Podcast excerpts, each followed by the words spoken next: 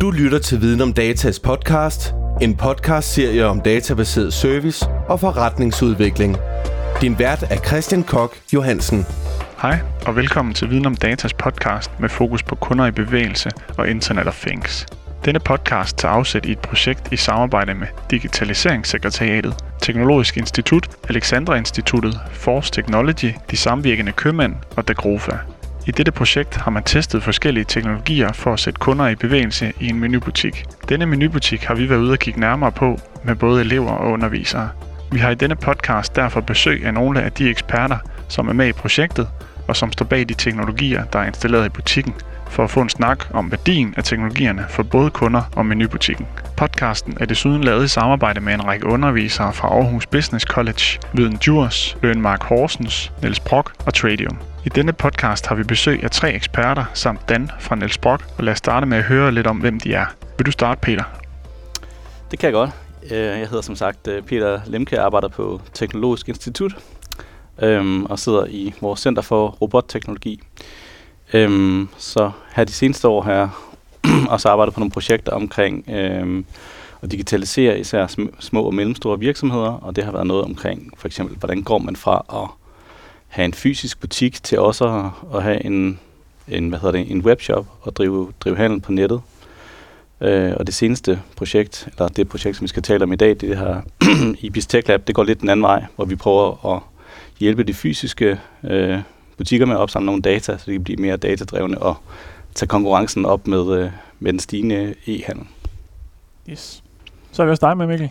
Kan du øh, fortælle lidt om, hvem du er? Ja, det kan du tro. Øh, jeg hedder Mikkel Let Olsen og kommer fra Force Technology og sidder i vores afdeling, der hedder Idemolab, øh, hvor vi arbejder med introduktion af ny teknologi, øh, og for os er teknologi ting med sensorer og IoT-teknologi, så Internet of Things, og arbejder i det daglige med sådan spændingsfeltet mellem at introducere teknologien, finde ud af, hvilken type af teknologi findes der, til at kunne anvendes i en specifik øh, sammenhæng og løse nogle, øh, nogle problemer for nogle mennesker, øh, og så få de to ting til at gå op i en højere enhed.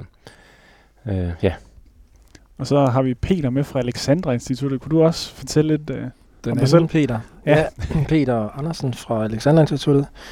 Øh, ja, jeg har været øh, ved Alexandra i 10 år og har arbejdet med øh, IoT, sjovt nok, øh, og øh, sidder lige nu i vores øh, Data Science and Engineering Lab, som det hedder på godt dansk. så det vil sige, at vi har rigtig meget fokus på øh, de helt moderne øh, anvendelser af data inden for machine learning og kunstig intelligens. jeg har selv en sådan ikke så teknisk øh, andel i det. Jeg er ellers datalog, men jeg har øh, mest været i projektlederrollen i, i den her sammenhæng. Til gengæld har jeg været med på øh, alle de cases, som øh, den anden Peter nævnte i, i Tech Lab her, og har øh, været rimelig meget involveret i netop den øh, anvendelsesvinkel, der har været ude i butikkerne på dataopsamling og hvad man kan bruge det til. Så synes jeg også for, at vi lige skal have Dan med ind. Hvem er, hvem er du, Dan? Jeg hedder Dan og er uddannelseschef på Brock, hvor jeg har ansvaret for at uddanne nogle af de dygtige folk, der skal ud i butikkerne, og har senest lanceret sådan en digital salgsuddannelse, hvor vi kombinerer undervisning fysisk og digitalt. Godt. Så er vi alle med. Øhm, vi har jo, grunden til, at vi sidder her i dag, er jo, fordi vi har ude i sådan en, øh, en menubutik, øh, hvor der har været installeret en masse forskellige teknologier, og det har blandt andet været sådan noget som øh, beacons i nogle indkøbskurver og nogle indkøbsvogne. Jeg ved ikke, om en af jer kunne prøve at starte med at fortælle lidt om de her beacons, og hvad, hvad er det, man kan bruge beacons til, og hvad er beacons? beacons er en af de øh, teknologier, som øh, har vundet indpas de senere år, man bruger til øh, forskellige typer af, af tracking af fysiske øh, genstande. Det er en af de anvendelsesmuligheder, der er. Altså beacon betyder jo i og for sig et lysfyr, og, og det der er den sådan korte tekniske forklaring er, at øh, de her små brikker, de vil med et meget lille strømforbrug kan sidde på fysiske ting og udsende et lille signal en gang imellem. Og det kan man så sætte nogle sensorer op, som registrerer, hvem det er, der siger det, og hvorfra signalet det ligesom kom. Og det er ligesom hovedessensen i den, øh, den anvendelse, vi har af beacons ude i menubutikken. vi bruger det til, at vi har mm, øh, hvad hedder det, placeret sådan en beacon i hver af indkøbskurvene og indkøbsvognene, og ved at have sat en håndfuld har nærmere 30 sensorer op, som modtager de her signaler rundt omkring i butikken, så får man en idé om, hvor de enkelte kurve de bevæger sig hen, zone for zone, i løbet af en indkøbstur, og hvor lang tid indkøbsturen tager, og hvor man stopper op, hvor man øh, skynder sig forbi, og hvor man slet ikke kommer hen. Altså sådan øh, prismæssigt, hvordan altså er det til at komme, komme til for penge for, ja. for alle, eller hvordan? Øh, de, øh, der findes mange forskellige prisklasser af, af beacons, men, men øh, dem, dem vi har valgt her er sådan en mellemklasse, som øh, det, jeg mener, de ligger omkring øh, 30 til, mellem, 50, mellem 30 og 50 kroner per, per beacon, øh, når man køber 100 eller sådan noget af dem, som, som det, det vi gjorde her. Så det er ikke en, en, en voldsom dyr øh, investering, og, og batteriet i sådan en fælder, den, den, den holder i månedsvis med, med det brug, vi har, og kan så også skiftes, hvis det er, men det er noget, der er relativt simpelt. Det er sat, sat fast med strips og øh, rimelig værbestandigt, der har kunne tåle at være igennem vaskemaskinen på kurvene også. Øh, så det er ikke, øh, det er ikke en, en stor udstyr. Men, men hvorfor egentlig ikke øh, gå ind og bruge en mobiltelefon øh, i stedet for? Fordi altså, det der med, hvis nu en, en indkøbsvogn bliver stillet et sted, og kunden går, går væk derfra, så, så ved man jo i princippet ikke, om kunden står ekstremt længe ved en, en, en given vare, eller om det er, eller om den der bevægelse sker. Hvorfor ja. kan man ikke øh, erstatte beacons med en mobiltelefon? Vi har arbejdet i og for sig med de samme sensorer, der sporer, hvor mobiltelefoner bevæger sig hen. Det er så typisk den, den nemmeste og sikreste måde at gøre det på, det er ved at, spore på, hvor man kan opfange, at mobiltelefonerne de snakker wifi. De, står, de render rundt af de der telefoner hele tiden og spørger, er der noget wifi i nærheden? Det er derfor, de finder ud af at tilbyde det, når man træder ind i en ny bygning. Og øh, hvis man gør det, så kan man lave en ret øh, interessant tracking af øh, mobiltelefoner, så det er typisk de folk, den, den normalt sidder på. Øhm, det, der er ulempen ved at bruge den et sted som menu, det er, at øh, rækkevidden på wifi-signalet er jo op til 100 meter. Og det betyder, at lige meget hvor pokker du er i butikken, så vil alle sensorerne høre den mobiltelefon. Derimod så øh, øh, øh, beacon, altså Bluetooth-teknologien, den er, er vi nede på en rækkevidde på omkring 10 meter. Og det vil sige, at man er i stand til at skælne, hvor folk er i butikken. så det er vel det korte det svar på det, tror jeg. Ja, okay. Ja, fordi hvis vi sådan skal prøve at kigge på områder, man kan, nu siger i anførselstegn, overvåge. Øh, altså hvis vi skulle tage en, en butik eller en, eller en festival, altså hvor kan man bruge hvad? hvad? Hvad vil give bedst mening? Jeg ved ikke, hvad I andre siger. Altså, øh, nu ved jeg, at I, øh, I Force har udviklet den her, øh, vi kalder den en klikker, fordi det, det, Nå, det er det navn, I har givet den. Ja, lige ja. præcis. Men, men I har lavet en til Wonderful Copenhagen. Sådan en, ja. Kan du fortælle lidt om den der løsning, I lavede der? Jamen, der har vi valgt en lidt anden løsning, hvor man kan sige, i, øh, i menu, der har, har, har vi valgt at integrere det i indkøbsvognen, så man får det med, eller indkøbskurven ligegyldigt, om man ved det eller ej, når man handler i menu. Øhm, og Øh, det vi var interesseret i sammen med, med klikkeren med, med Wonderful Copenhagen var at øh, undersøge en specifik gruppe af mennesker, som bevæger sig rundt i, i bybilledet. Øh, nemlig nogle turister og nogle specielle grupper af turister, der kommer til København. Og så øh, fandt vi frem til, at jamen, det er måske en rigtig god måde at spørge dem. Jamen, vi, vi er interesserede i at høre, øh, hvor bevæger du dig rundt i byen? Vil du mod, at vi giver dig en lille gave? Hjælpe os med at bære den her klikker øh, rundt. Øh, og det, det var så sådan en, et device, vi, vi udviklede, hvor der er GPS-tracking i, og der er en lille knap på, hvor man kan så trykke, når man er et, øh, et sted, man synes er, er interessant. Øh, og, og det, det er jo sådan på et lidt større skala, øh, og specifikt når det er GPS, så, så er det ikke noget man, øh, noget, man kan bruge, når man er indendørs, øh, for der er ikke adgang til de satellitter, der skal bruges for at kunne få et ordentligt GPS-signal. Øh, så derfor valgte vi den teknologi øh, til, at, til at tracke på sådan en større skala i stedet for. Øh, ja. Altså, der er også et andet aspekt i de forskellige valg af tracking-teknologier. Det er, øh, i de her tider, at der er meget fokus på overvågning. Og det, at øh, de forskellige teknologier, vi, vi, vi bruger her, de, de øh, udgør en større eller mindre grad af overvågning af den person, det drejer sig om. Altså kurven er jo ret anonym. Den bevæger sig rundt, og man ved faktisk ikke, hvem der har fat i den det der device med klikkeren, som vi kalder den, den, den var jo knyttet til en helt bestemt person, som lige meget hvor han bevægede sig i bybilledet, så fik vi det at vide bagefter.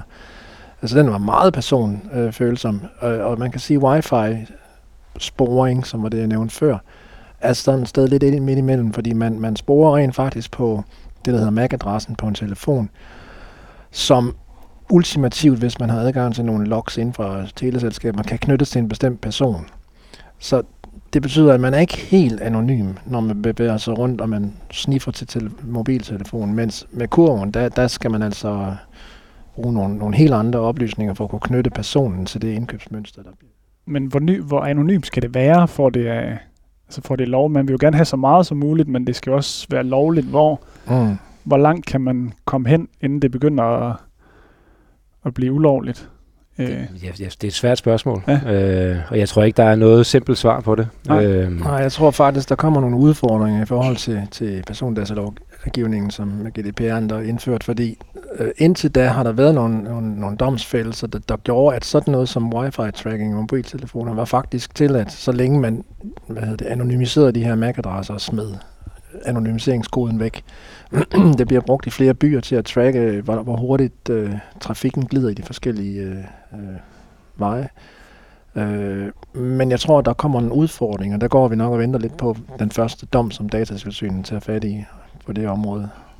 Og man kan sige, at en, en ting er måske også, øh, eller en ting er, hvad man, hvad man må gøre, og en anden ting er, hvad ens øh, brugere eller kunder har lyst til, at man gør. Fordi det kan godt være, at man har loven på sin side, men hvis de ikke bryder sig om det, man gør, så vil de nok holde sig væk fra den butik eller det sted, hvor de, hvor de bliver tracket på en måde, de ikke bryder sig om. Det var også, altså i forhold til det her med tracking i byer, så ved jeg også, at man på H.C. Andersens Boulevard her i København har også tracket eller målt, hvor mange forbipasserende der kommer øh, per dag. Men altså, man har også slettet de data, øh, jeg tror, en gang i døgnet, for at man ikke sidder inde med alle de her øh, hvad hedder det, data, som kan, som kan misbruges til noget. Man kan sige, hvis man sidder og... Det kunne egentlig være super spændende at, at have de data til rådighed, og man kunne lave nogle, nogle virkelig, virkelig spændende analyser på baggrund af det. Øh, så det har jeg også spurgt ind til, men øh, de findes desværre ikke, så sådan er det. Øhm, og det er også noget af det, ja, som vi har været meget opmærksom på, også i valg af teknologi ude i, i menubutikken. Øhm, her i forområdet, der har vi også drøftet at bruge sådan forskellige teknologier, og vi havde også øh, drøftet noget i forhold til det her med ansigtsgenkendelse, som jo ikke er ansigtsgenkendelse, men det er ansigtsanalyse, øh, hvor man analyserer øh, nogle unikke karakteristika i et ansigt. Så det er jo ikke sådan, at man gemmer øh, et billede af et, af et ansigt. Øh, og det var en af de teknologier, som vi egentlig diskuterede om, giver det mening at, at lave en anden form for personali- øh, personlig markedsføring, eller, eller noget på baggrund af kan man sige, sådan noget ansigtsgenkendelse. Og det er jo det er nogle teknologier, som man bruger nogle steder, altså ude i Københavns Lufthavn for eksempel, bruger man øh, det her ansigtsgenkendelsessystem til at vise reklamer, der pa- passer bedst til de folk, der passerer forbi.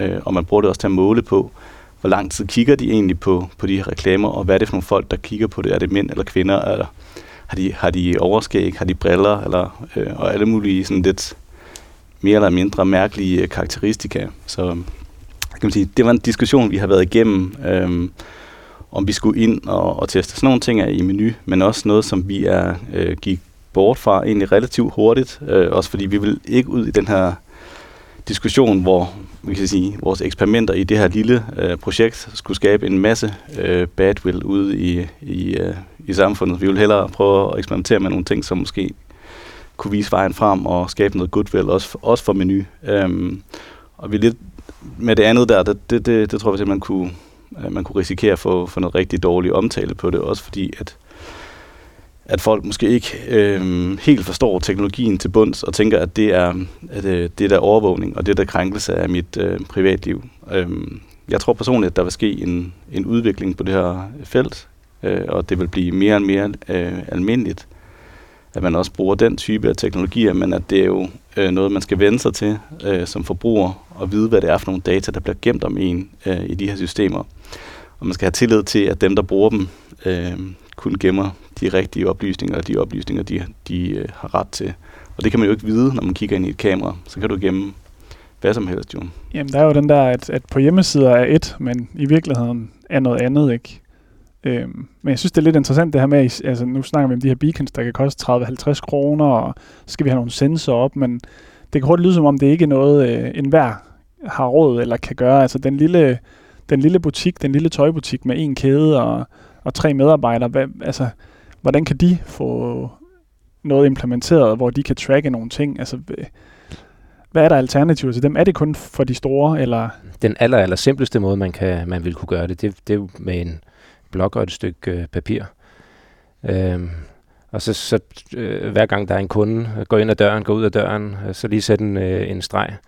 Øhm, men man kan også sætte øh, en, øh, måske nummeret en, øh, mere avanceret, sætte et lille øh, laveropløseligt kamera op, øh, og så øh, spille det hurtigt igennem, sidde og sætte nogle streger, hvornår der sker det ene og det andet. Øh, I har sikkert også nogle andre bud på det, sådan aller laveste øh, entry level. Altså man kan sige, altså det er noget af det, som vi lavede i, øh, i butikken inde på Nørrebro, øh, butikken, der hedder Beerware. Øh, der brugte øh, opstillet ved de her øh, hvad hedder det, PIR-sensorer, som er de her meget billige sensorer, øh, som man også bruger til øh, udendørsbelysning og sådan noget. Øhm, og det er jo i hvert fald også en, kan man sige, en simpel måde at, at få en eller anden form for måling på, hvor meget aktivitet er der i en bestemt zone i en, øh, i en butik. Øhm, men altså, der findes jo også, kan man sige, bare det her med at have en elektronisk dørtæller og vide, hvor mange går ind og ud af din butik på forskellige tidspunkter. Øh, det findes der jo en række, øh, hvad hedder det, konventionelle eller øh, hvad hedder det, almindelige kommersielle, øh, kommercielle systemer til øh, som, er, som er udmærket, og kan man sige, nogle af dem er heller ikke så dyre, så det er jo også kan man sige, et sted, som mange butikker har ikke engang styr på, hvor mange der kommer ind øh, af døren, hvornår øh, på bestemte tidspunkter. Kan man sige. Og hvis, hvis man ikke har styr på det, øh, så er det i hvert fald lige øh, skridtet efter papirblokken der. Øh, så det kunne være et sted, man kunne, kunne gå i gang. Ja, ja, hvad kan sådan nogle data give af værdi også? Altså nu, nu har man prøvet at teste menu der. Altså, hvad, hvad er det, det hvad er det, man kan bruge det til? Hvad kan det sige? Hvad kan, hvad kan en beacon sige? Altså, hvad, alt den her indsamling af data, og vi snakker om, at, at kunderne måske, øh, nogle ting er de ikke interesseret i, nogle ting er de sådan lidt på grænsen. Altså, hvad er det, vi er interesseret i, når vi sætter alt det her op? Øhm. Altså, jeg, jeg tænker, det er noget omkring at, at kunne, øh, kunne bruge data til at sammenligne forskellige ting i butikken. Så sige, når vi har den her opsætning, så bevæger kunderne sig rundt på den måde. Så kan man øh, optimere rundt omkring i butikken og få folk guidet hen i måske nogle døde områder, øh, hvor der er nogle specielle varer, man gerne vil have dem eksponeret for på nogle tidspunkter kontra andre tidspunkter. Øh, og øh, specifikt altså øh, dataene, hvis man kun har data for for eksempel en dag, øh, det kan være det kan måske være interessant at se, hvor mange personer kom der den dag, men hvis man sammenligner på tværs af dage, på tværs af uger, på tværs af måneder, så får man lige pludselig et bedre billede af, hvordan hvad gjorde vi lige pludselig anderledes den her dag eller den her uge, som gjorde, at der var endnu flere mennesker, der kom, eller der var endnu flere, der, der købte. Ja, øh, jeg kunne helt vildt godt tænke mig at høre, fordi det er jo super spændende med de her teknologier omkring øh, jeres vurdering af, hvilke kompetencer man skal have for at kunne bruge de der data til noget ude i butikken, fordi at man kan jo sagtens indsamle en masse data, uden at det fører til nogle forandringer. Og vi uddanner jo ude på skolerne en masse unge detaljelever, der kommer ud i butikkerne med masser at gå på mod, men, men hvis I skulle give dem et godt råd til, hvad, hvad for nogle kompetencer de skal komme ud med, øh, hvad, hvad kunne det så være for at kunne udnytte resultaterne af alt det her øh, data, I samler ind? Øh, så det bliver til, til forandringer i butikken af placeringer eller varer eller priser? Eller? Altså jeg tror egentlig ikke, det, det kræver, altså det kræver ikke, at man er datalog og machine learning ekspert og, og trække ting som det her ud. Det har vi kunne gøre med nogle relativt simple værktøjer i Excel. så i den, hvis man har lært lidt uh, Excel-analyser, så kan man gøre mange af de her ting. Altså sidde og lave de der øh, tidsgrafer og, og opdage det, man i machine learning kalder outliers. Der er et eller andet, der springer i øjnene der. Hvorfor er det det? Øh, der må vi kigge, hvad der skete osv., som, som Mikkel nævner. Altså det kan man langt hen ad vejen øh, sidde og lave i øh, Excel. Noget af det, den, den allerbedste machine learning maskine, vi har, er jo stadig vores egen hjerne. Så hvis vi kan sætte den i stand til at processere de her måske mange data for eksempel ved at visualisere det på en måde, hvor vi pludselig kan se nogle mønstre, som ikke, når man kigger på 1000 milliarder tal, lige fremstår tydeligt. Ikke? Øhm, det, det er også en måde at gøre det på. Lave nogle grafer i 2D eller 3D og opdage, Skru på de der tids- øh, og, og andre parametre, som kan være afgørende for, hvordan tingene fordeler sig. Altså, og så bagefter begynder at tænke, hvad betyder det så i virkeligheden? Altså, nu sad jeg lige og snakkede med Peter for nylig om, at øh, vi har lige fået tid til at lave en lille smule mere analyse på det, vi har ud fra menu, og har opdaget til vores sådan store forbløffelse, at øh, et af de tidspunkter, der sælges flest kyllinger på, eller i hvert fald i forhold til, at folk opholder sig mere end to minutter i kyllingeafdelingen, det er mandag kl. 12. Og hvorfor lige mandag? Altså det kunne man da godt lige tænke over, og det er da sådan noget, der er interessant for, for, for, for, øh, for butikken at finde ud af, hvordan så kan det være. Det er noget, vi kan udnytte forretningsmæssigt. Skal vi sørge for, at der bliver de udsolgt, eller hvad, hvad sker der? Øh, der må være et eller andet, der gør, at øh, om mandagen er det specielt populært. Og det var det var over flere uger, det foregik. Men det er vel også vigtigt at huske, at, at, øh, at, at så har vi noget data på det, men så skal der også være nogen, der konkret spørger dem, der står derude kl. 12. Hvorfor er det lige, I køber? Altså man, man bliver nødt til at supplere det. Altså nu ved jeg, i Roskilde Festival, der havde man fundet ud af noget med nogle toiletter. Det var altid dem længst yderst i begge sider, der aldrig blev brugt. Det viste sig, fordi det, de var nemmere at vælte. Ja. Så det, de blev aldrig brugt. Men hvis man ikke havde været ude at spørge, så anede man det ikke.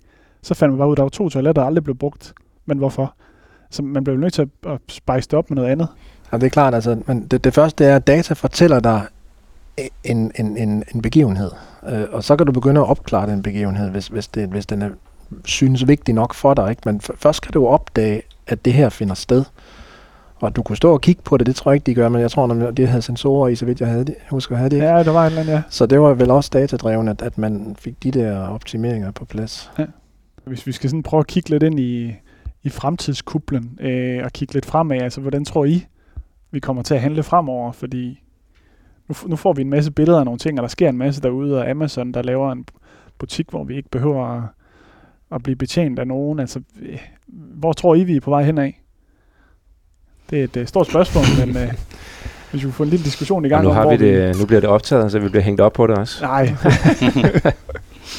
altså man kan jo sige noget om nogle tendenser, ja. og, og, og så kan man måske uh, se på, jamen, Ja, jeg tør, jeg tør ikke spå om, fra, om, om fremtiden, må jeg men, men der er jo i hvert fald nogle tendenser til, at der bliver målt på flere og flere ting. Øh, om de ting, som vi synes øh, som mennesker, som sådan der var et eller andet kanonslag, der gik De ting, vi synes som, som mennesker er irriterende, som for eksempel at stå i kø, eller at køre langt hen til et, øh, et, et, et indkøbscenter. Øh, det er der jo mange, der synes er, er irriterende og, og gerne vil undgå. Øh, så det er der nogen, når de finder frem til, at det her det kan vi adressere på den ene eller den anden måde. Øh, så, så prøver det at blive, øh, blive undgået. For eksempel ved, at man kan handle online, og så bliver varerne leveret hjemme hos dig eller at man kan købe tingene og, og, og betale dem online, men så skal du bare ned i butikken og hente dem, og så står den klar til dig. Eller at man ikke skal stå i kø i butikken, fordi når du putter det ned i kurven, så bliver det automatisk betalt for og tjekket ud, når du, øh, når du forlader butikken. Øhm, det tror jeg personligt på er sådan en, en, en tendens eller en, en vej, vi bevæger os, at der bliver endnu mere convenience, eller vi skal de her gener, som vi, som vi alle sammen synes er, er, er irriterende at stå i kø i Netto øh, klokken 6 om, om fredagen, eller hvornår det er, øh, at, at det bliver adresseret eller undgået på den ene eller anden måde. Jeg tror også, altså, ja, det der med convenience, at det, man kan sige, der kommer nogle, nogle nye ydelser, som, som gør livet nemmere, og hvis man er doven anlagt øh, af natur, hvilket jeg selv er, øh, så er jeg utrolig glad for nogle af de her øh, services, hvor man kan få ting sendt hjem til ens øh, hoveddør. Og det kan være sådan måltidskasser for eksempel, hvor man får mad til fire dage leveret ind ad døren, hvor du får opskrifter, og er helt, du skal ikke tage stilling til andet end, end at læse opskriften og lave øh, maden.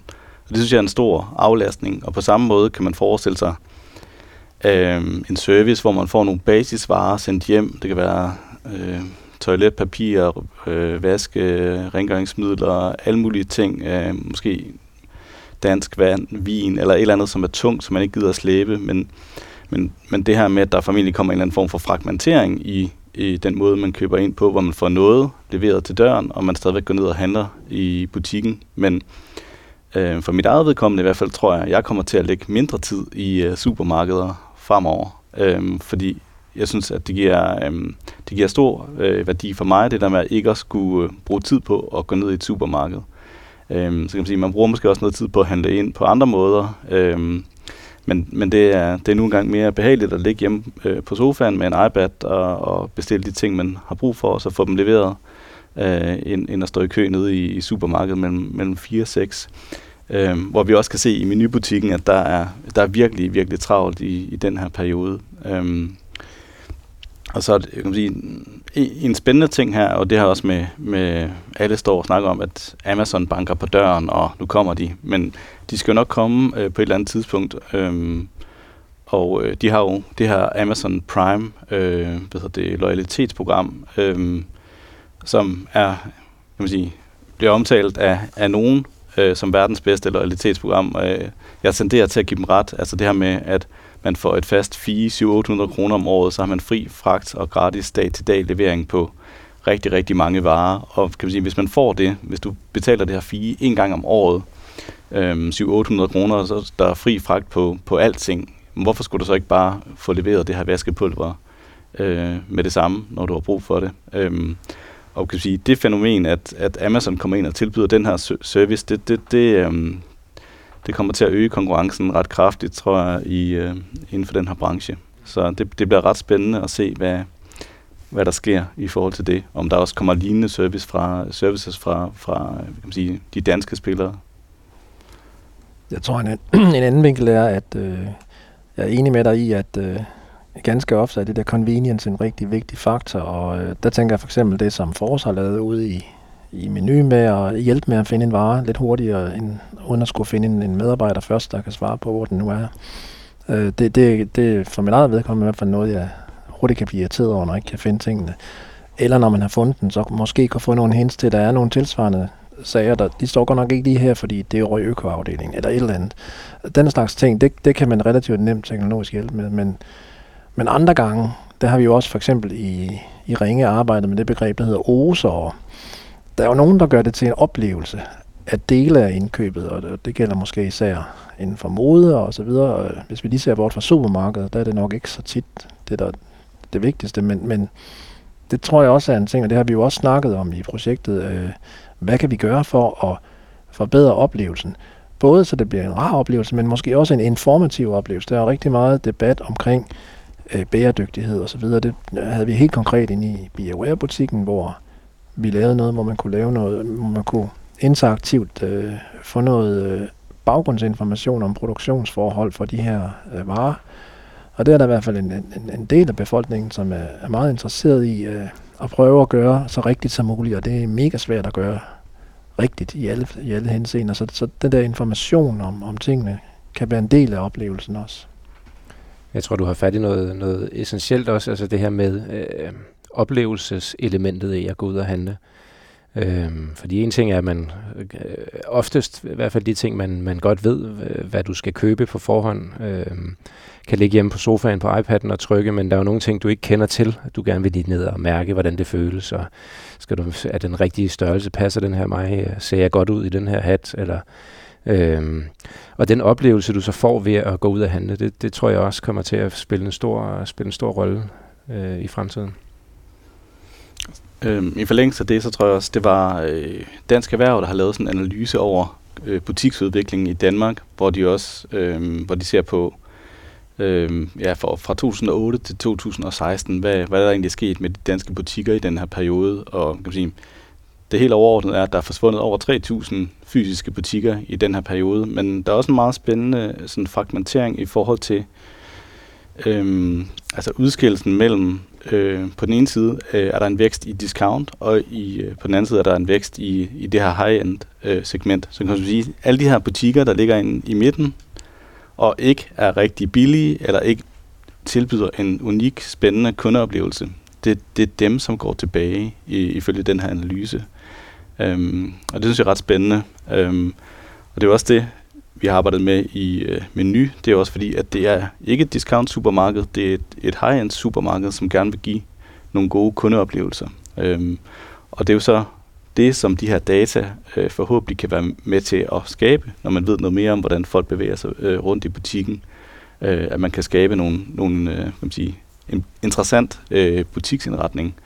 Øhm, selvfølgelig både noget, som sælger bedre, men også noget, som, som egentlig giver en bedre oplevelse i butikken. Så. Jamen, jeg kunne egentlig godt tænke mig at stille et spørgsmål, fordi noget af det, jeg synes, der er rigtig spændende ved projektet ude i Menu, det er, at det jo er sådan lidt øh, Ole Opfinder-agtigt. Altså ting er stripset, og Øh, så er der nogle, øh, ligner lidt nogle Hue-lamper i, øh, i loftet. Og sådan. Altså, mange af tingene er jo sådan ret øh, prototypeagtige. Og øh, det er, de øh, overvejer, det er, men øh, når de her produkter nogensinde frem til en færdig form, eller bliver det livet i en øh, detailbutik, at man altid er i gang med at øh, teste ny teknologi af, som er lidt prototypeagtig, fordi øh, man, man får nok aldrig råd til lige at købe det store forkromede system til en halv million, før der er kommet en ny version, som er endnu bedre. Øh, så kunne nogen af jer elaborere lidt over det der med, jamen, øh, hvordan den her teknologi-implementering ude i detailbutikkerne kunne komme til at se ud, når den nu skal ud i 50% af alle, og specialbutikkerne og sådan nogle ting. Hvordan kommer den så til at se ud? Bliver den prototypagtig, eller, eller bliver der et marked for det, tror jeg? Der findes jo en række sådan, kommersielle løsninger til, øh, til detailhandlen allerede nu. Øhm, og nogle af dem, som, kan man sige, som vi har eksperimenteret med ude i menu, og på den ene side, øh, det her beacon tracking, og det andet, det her wayfinding system, det har jo været sådan rimelig prototypeagtig proof of concept øh, måske endda. Øh, hvorimod kan man sige, den tredje installation, vi havde derude, øh, det her tracking med 3D-kameraer ude i forområdet, der har vi jo øh, valgt en lidt anden approach, hvor vi er teamet op med en kommersiel leverandør af den her hardware-løsning, og de har også haft noget software til, så man kan gå ind og analysere på, på, øh, på de data, man får samlet op. Øhm, man kan sige, det, det vi har brugt det til, er så noget, som de ikke har brugt deres system til før, fordi man har brugt det til til kundetælling. Øh, typisk hvor mange går ind af de forskellige øh, døre i et, i et store center, og man har måske ikke øh, brugt det sådan helt så avanceret, som, som vi har gjort, i hvert fald ikke til at måle øh, på konverteringsraten. Øh, det kan være, at jeg lige skal sige, hvad det er, vi har lavet her.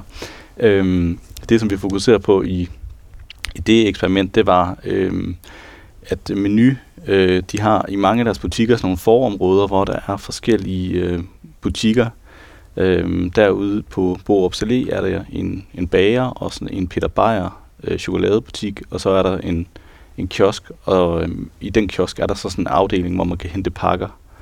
Øhm, og det tror jeg er en meget typisk indretning for menu. Øhm, det, som de var interesseret i at se på her, det var sådan det her med at have det her pakkecenter, hvor man kan komme ind. Øhm, giver det egentlig noget omsætning i butikken? Hvor mange procent af de kunder, der kommer ind for at hente pakker, går egentlig ind i butikken. Øhm, og det er ikke noget, man havde nogen tal på i forvejen. Øhm, så det var meget interessant for dem at se på, hvad, hvad kan man sige, hvad er det egentlig, øh, hvad er business casen egentlig i det her? Øhm, man kan sige, vi har målt på det, og jeg kan ikke lige afsløre de præcise tal fra butikken, men, men altså, hvis man skal lære det op og kan man sige, få optimeret på de, øh, de personer, som ikke går ind i butikken, så, så er det, øh, og de alle sammen køber for det gennemsnitlige beløb, altså så er det mange, mange millioner, man kunne, øh, man kunne indhente. Øh, selvfølgelig også et lidt urealistisk øh, scenarie, men bare det med, at øh, man får det her mindset omkring, at man, man, man ser på data, og man bruger data bevidst i forhold til sin butiksindretning. Det er noget af det, som, som vi synes, det er rigtig spændende at arbejde, øh, arbejde hen imod. Øhm, og så bare det, hvis du kan øge den her procentdel øh, med ganske få procent, så er det faktisk et stort beløb, som man kan bruge til alle mulige andre ting øh, i ja, for eksempel ansat nye medarbejdere og øge servicen øh, ude i butikken. Det, som man også ofte kan gøre, det er at kombinere de forskellige datasæt, man har. En oplagt mulighed, vi ikke har nået at gøre, men, men var jo, at, at de der kameraer, de, de, øh, som Peter nævner, de, de, de øh, sporer folk sådan kamerabaseret ude i forområdet. Hvis nogen af dem går hen og tager en kur, så kan vi følge den, og så kan vi ligesom se, om dem, der har fat i kurven nu, har været i, i, øh, i postudleveringen inden. Og det vil sige, så kan vi også få en idé om, hvad dem, der er i postudleveringen, køber derinde. Så er der et specielt mønster for dem i forhold til dem, der kom der udelukkende for at købe ind.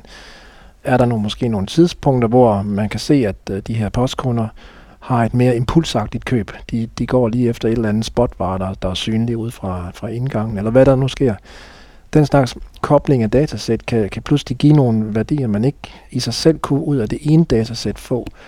Og, øh, og det bringer mig hen til, at, at som du også blev spurgt om før, hvad, hvad, hvad kan man komme i gang? Hvad skal det koste? Skal vi have en masse udstyr og sådan noget? Man skal måske allerførst starte med at se, hvad har vi allerede af data? Altså alle butikkerne ligger jo typisk inde med kassebonger, som fortæller ganske meget. Så hvad kan man fortælle om dem? Hvis man nu har nogle andre data, så du, du, du nævner Peter øh, indgangstæller, så du, og, øh, de fortæller noget med klokkesæt, det går kassebongerne også, ikke? Men, men, men hvis man begynder at trække på, hvad man har af, af, af eksisterende datakilder, er lidt kreativ omkring, hvad de, hvordan de kan kombineres, så kan man pludselig trække nogle nye indsigter ud af det. Altså, vi kan jo nævne som eksempel ned i, i Ringe, hvor der var en interesse for, hvorvidt et uh, idrætscenter øh, med, med masser, med 300.000 brugere om året, om det genererede noget omsætning i byen. Altså, så der, der holdt vi øje med, med wifi-tracking, hvor mange der egentlig bevæger sig mellem idrætscenteret og midtbyen det man kunne have gjort, som vi heller ikke fik gjort, fordi der var lige nogle persondata, ting vi ikke nåede at få afklaret, men inde i idrætscenteret, der, der tjekker man ind. Og når man er tjekket ind, så er man fuldstændig identificeret med alder og køn og postnummer og alt muligt. Det kunne man bruge til, når man kommer ned fra byen og går ind i idrætscenteret, og fortælle lidt om, jamen, hvad er det for nogle butikker, der øh, måske demografisk eller kønsmæssigt eller et eller andet øh, aldersmæssigt har, har, har været øh, interessante for de her kunder lige nu. Ikke? Og, og, og det er pludselig en helt ny oplevelse, eller ikke oplevelse, en ny øh, indsigt, som butikkerne kan drage nytte af. Jamen om fredagen, der er det forældrene, der står og venter på, øh, de, at børnene spiller badminton, og de er altså de her 40 til, til 60 år, og det er dem, vi skal ned og have fat i, i forhold til de varer, der er interessante om fredagen. Ikke? Altså et eller andet i den stil kan man pludselig uddrage ved at kombinere to datasæt, man måske ikke kunne få af dem hver især. Der er en af underviserne, der faktisk har et, et, et spørgsmål, som han lige vil, vil stille. Jamen, det passer faktisk meget godt i tråd med, hvad vi, hvad vi er i gang med at snakke om nu. Jeg er bare nysgerrig på, øh, nu siger du, Peter, noget med, at der er faktisk kroner og øre at hente her, og det plejer at være noget, man sådan forstår i detaljhandel. Øh, alligevel oplever jeg ikke, at det er specielt udbredt, det her med at bruge tracking rundt omkring, og der findes kommersielle løsninger, siger jeg også, som man kunne købe. Hvad tror I årsagen er til, at der ikke er flere butikker, der er sprunget på det her ting? Nu skal vi ud og track vores kunder, nu skal vi finde ud af, hvor vi kan lave penge hen. Det er et godt spørgsmål. Uh, man kan sige, mm, løsninger der findes, men det er, ikke, det er jo ikke standard at have dem endnu. Øh, så man sige, der er jo, det kræver lidt, at man er sådan frontløber for, for at gå i gang med det her. Øhm, men man kan sige, øhm, altså det, noget af det, som vi har eksperimenteret med, det er også at finde ud af, er der et potentiale i det her, og øh, det synes jeg jo egentlig, at, at, at vores forsøg viser, at der er et ret stort potentiale i det, og, og også, at, at kan man sige, hvad kan man egentlig få ud af data? Jamen, det er jo ikke sikkert, at man lige mm, ved det, når man går i gang og kigger på alle de her tal, og det kan hurtigt blive meget overvældende med de tal, man får ind, og hvad er det egentlig for nogle ting, der er relevante at kigge på. Øh, men så også efterhånden, som vi er gået i gang med det, men sådan ligesom for Gud, vi kunne også øh, sætte de her op hen over øh, kassen for eksempel, og bruge øh, for nogle data ind på, hvornår der er kø hos, på, i, foran, øh, hvad det, øh, foran kasserne i supermarkedet, og bruge det til en øh, mere optimal bemanding af, hvad hedder det, af, kan man sige, ja, af, ja, kasserne. Øh, men, men øh, noget andet, som jeg også har tænkt på, det er, hvad hedder det, altså hvis du laver, sætter et præcist tracking-system op i hele øh, supermarkedet, øh, og de tal, du får derinde fra, om det ikke kan føre til øh, kan man sige, en helt ny øh, forretningsmodel, også for et, øh, for et supermarked, om det kan blive sådan en, en form for, ikke en online platform, men en fysisk platform, hvor man kan bruge, øh, hvad hedder det, sælge hyldepladser baseret på de her øh, tal, man får ind øh, omkring kundernes adfærd.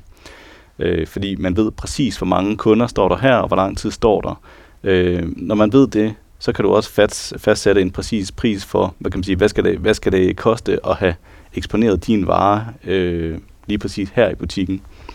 Øhm, og jeg skal være helt ærlig at sige, jeg ved meget lidt om detailhandel øh, og salg af hyldepladser osv., men øh, hvad hedder det, det er nok ikke tilfældigt, hvad der står op foran kasserne. Øh, men jeg ved ikke, hvor langt man går ned, og, kan man sige, og hvor meget hyldeplads man egentlig sælger i dag, og hvor meget der bare er baseret på, at de varer skal man have. Og også, så er selvfølgelig også en del af det, at man, kan sige, man stiller jo også de ting steder i butikken, hvor man selv kan tjene mest. Ikke? Altså, så der er også ens, eget, øh, ens egen interesse i forhold til at skabe den, den, kan man sige, den bedste fortjeneste. Øh, men de her ting kunne jeg godt forestille mig, at der kom øh, at der kunne komme nogle nye forretningsmodeller ud af det her. Så det ikke kun er kan man sige, de bedste hyldepladser op foran kassen, hvis man kunne sige til de her leverandører, de her grossister, okay, der er ikke plads til alting op foran kassen, men hernede, der går faktisk 90 procent, eller der, der går rigtig mange mennesker forbi, og de står faktisk, øh, kan man sige, hvis man havde præcise data på det, så kunne man jo sælge det, øh, ligesom man kan sælge annonceplads på, på internettet, og du kan få en eller anden form for, for, for sådan relativt præcis data på, om øh, hvordan skal du sætte prisen i forhold til det her, øh, og hvordan ja, hvilken, hvilket øh, outcome kan man forvente. Øh, det, det synes jeg kunne være måske en vej, det kunne gå, det her. Øh.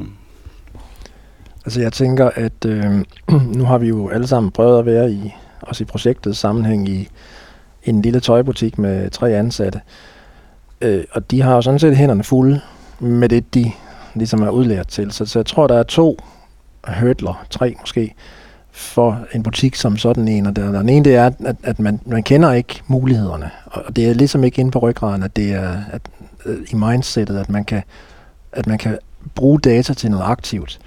Øh, det andet, det er, at øh, den teknologi, hvis den skal passes på nogen som helst måde, så går det ud over den, din kundepasning, så at sige. Øhm, og det var så nok de tre ting i to.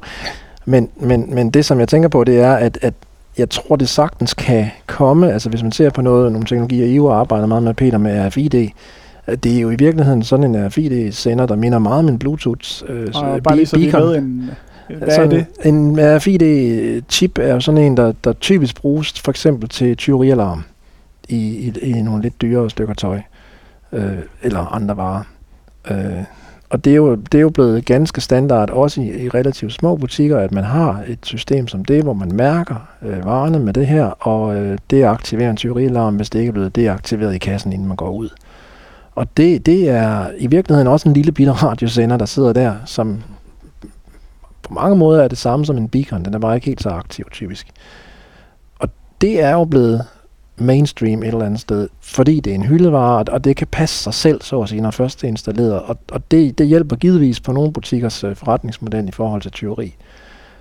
Så man kan se, en given vare bliver brugt øh, eller prøvet x antal gange og sådan noget. Det vil man så også kunne. Altså det har vi sådan set også eksperimenteret lidt med, netop ude i den der BioWare-butik. Det var en, en beslægtet teknologi, men, men, men vi, øh, man kan jo sagtens netop se, jamen, hvad, hvad, hvad, sker, hvad sker der med det her stykke tøj, fordi man kan sagtens også godt track den der RFID-dims, der sidder i tøjet.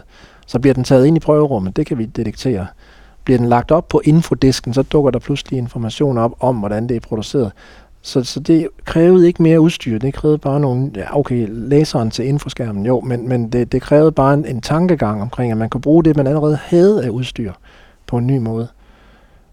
Og det, det er måske vejen frem, at man ikke tænker, uh, det er en kæmpe investering, men man kan starte med, med, med nogle små skridt ad gangen. Hvis vi skal prøve sådan at, at slutte af med, sådan, hvad, hvad kan eleverne få med fra det her og høre den her podcast og, og generelt alt det her dataopsamling, og vi snakker lidt om, jamen, hvilken butik skal, skal vi se i fremtiden? Øh, bliver det en inspirationsbutik, hvor man køber på nettet? Altså, hvad kan eleverne tage med herfra, hvis I hver skulle komme med sådan tre ting, eller en ting, to ting, øh, I tænker, der er vigtigt for en, for en elev ude, i, ude på en erhvervsuddannelse at tage med fra nogle af de projekter, I laver, og bare generelt at sætte nogle kunder i bevægelse? Hvad vil I så øh, give dem med? Vil du starte, øh, Peter? Ja, altså det er jo rimelig common sense, øh, det vil jeg vil sige, at, at, øh, at, øh, det er, vi ser, at vi er allerede vidne til det nu. Altså det her med, at online og offline, det smelter endnu mere sammen. Og jeg synes, den situation, vi er i nu, det er egentlig, hvor man som forbruger ikke helt forstår, hvorfor det fungerer så dårligt, som det gør. Når man køber et produkt online, jamen hvorfor kan jeg så ikke hente det i butikken? Og hvorfor er det ikke den her, den her seamless uh, experience mellem online og offline? Hvorfor eksisterer den ikke? Um, og det gør den altså ikke særlig mange steder. Um, men det tror jeg, det bliver et meget vigtigt konkurrenceparameter fremover, og kunderne forventer, uh, at det her online og offline, det smelter fuldstændig sammen. Øhm, så jeg tror også, øhm, at der sker, der sker en glidning i den retning, og men også nogle, nogle nye butikskoncepter, øhm, som for eksempel IKEA er ved at gå væk fra, eller i hvert fald teste nogle nye koncepter af, i forhold til at have deres kæmpestore varehuse, der ligger uden for byen. Det der med at have øh, butikker, der minder mere om showrooms, hvor man kan se produkterne, mærke på dem og teste dem af, øh, men man har ikke alle produkterne til at stå på et lager på samme matrikel. Det samme har Hi-Fi Club også lanceret, ja. så ja. Så man kan sige, ja, det er jo dyrt at have lagerplads inde midt i en by, øhm, og kan man sige, hvis folk alligevel er vant til at, at modtage øh, pakker ved døren, eller i, hvor de nu henter deres pakker, øhm, ja, så øh, det bliver en del af kan man sige, en ændret forbrugeradfærd hen, i, hen i, øh, i den retning, tror jeg i hvert fald. Mikkel? Jamen jeg tænker, en, en, det lyder måske lidt klichéagtigt, men en ting vi ved, øh, det er, at øh, ting forandrer sig hele tiden. Altså, der er ikke noget, som kommer til at være det samme om 10 år, om 20 år. Øh, så det med at være klar til, eller klar på, at øh, det, man har lært, det kommer til at, at skulle ændre sig. Man skal lære nogle nye ting, og man skal tilpasse sig nogle nye teknologier, nogle nye måder at handle på, at gøre, og agere, og øh, også have det med øh, til sin hverdag. Øh, og kunne sige, jamen, hvorfor må de handler øh, kylling om mandagen?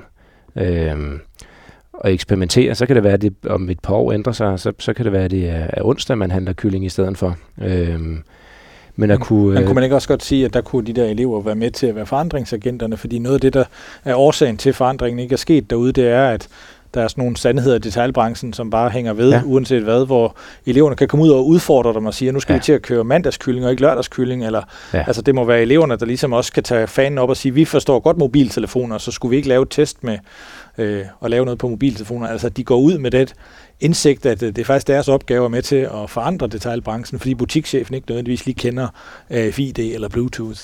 Altså, det ville jo være ret fedt, hvis de var med til I det. høj grad, og, og, og det er jo noget, de, øh, de har fået med på en anden måde, øh, end, end dem, der har været i butikkerne i lang tid nu. Medmindre de har selvfølgelig holdt sig opdateret, det der er mange, der gør. Mm. Øhm, men det synes jeg, det kunne være, det kunne være stærkt at se. Mm.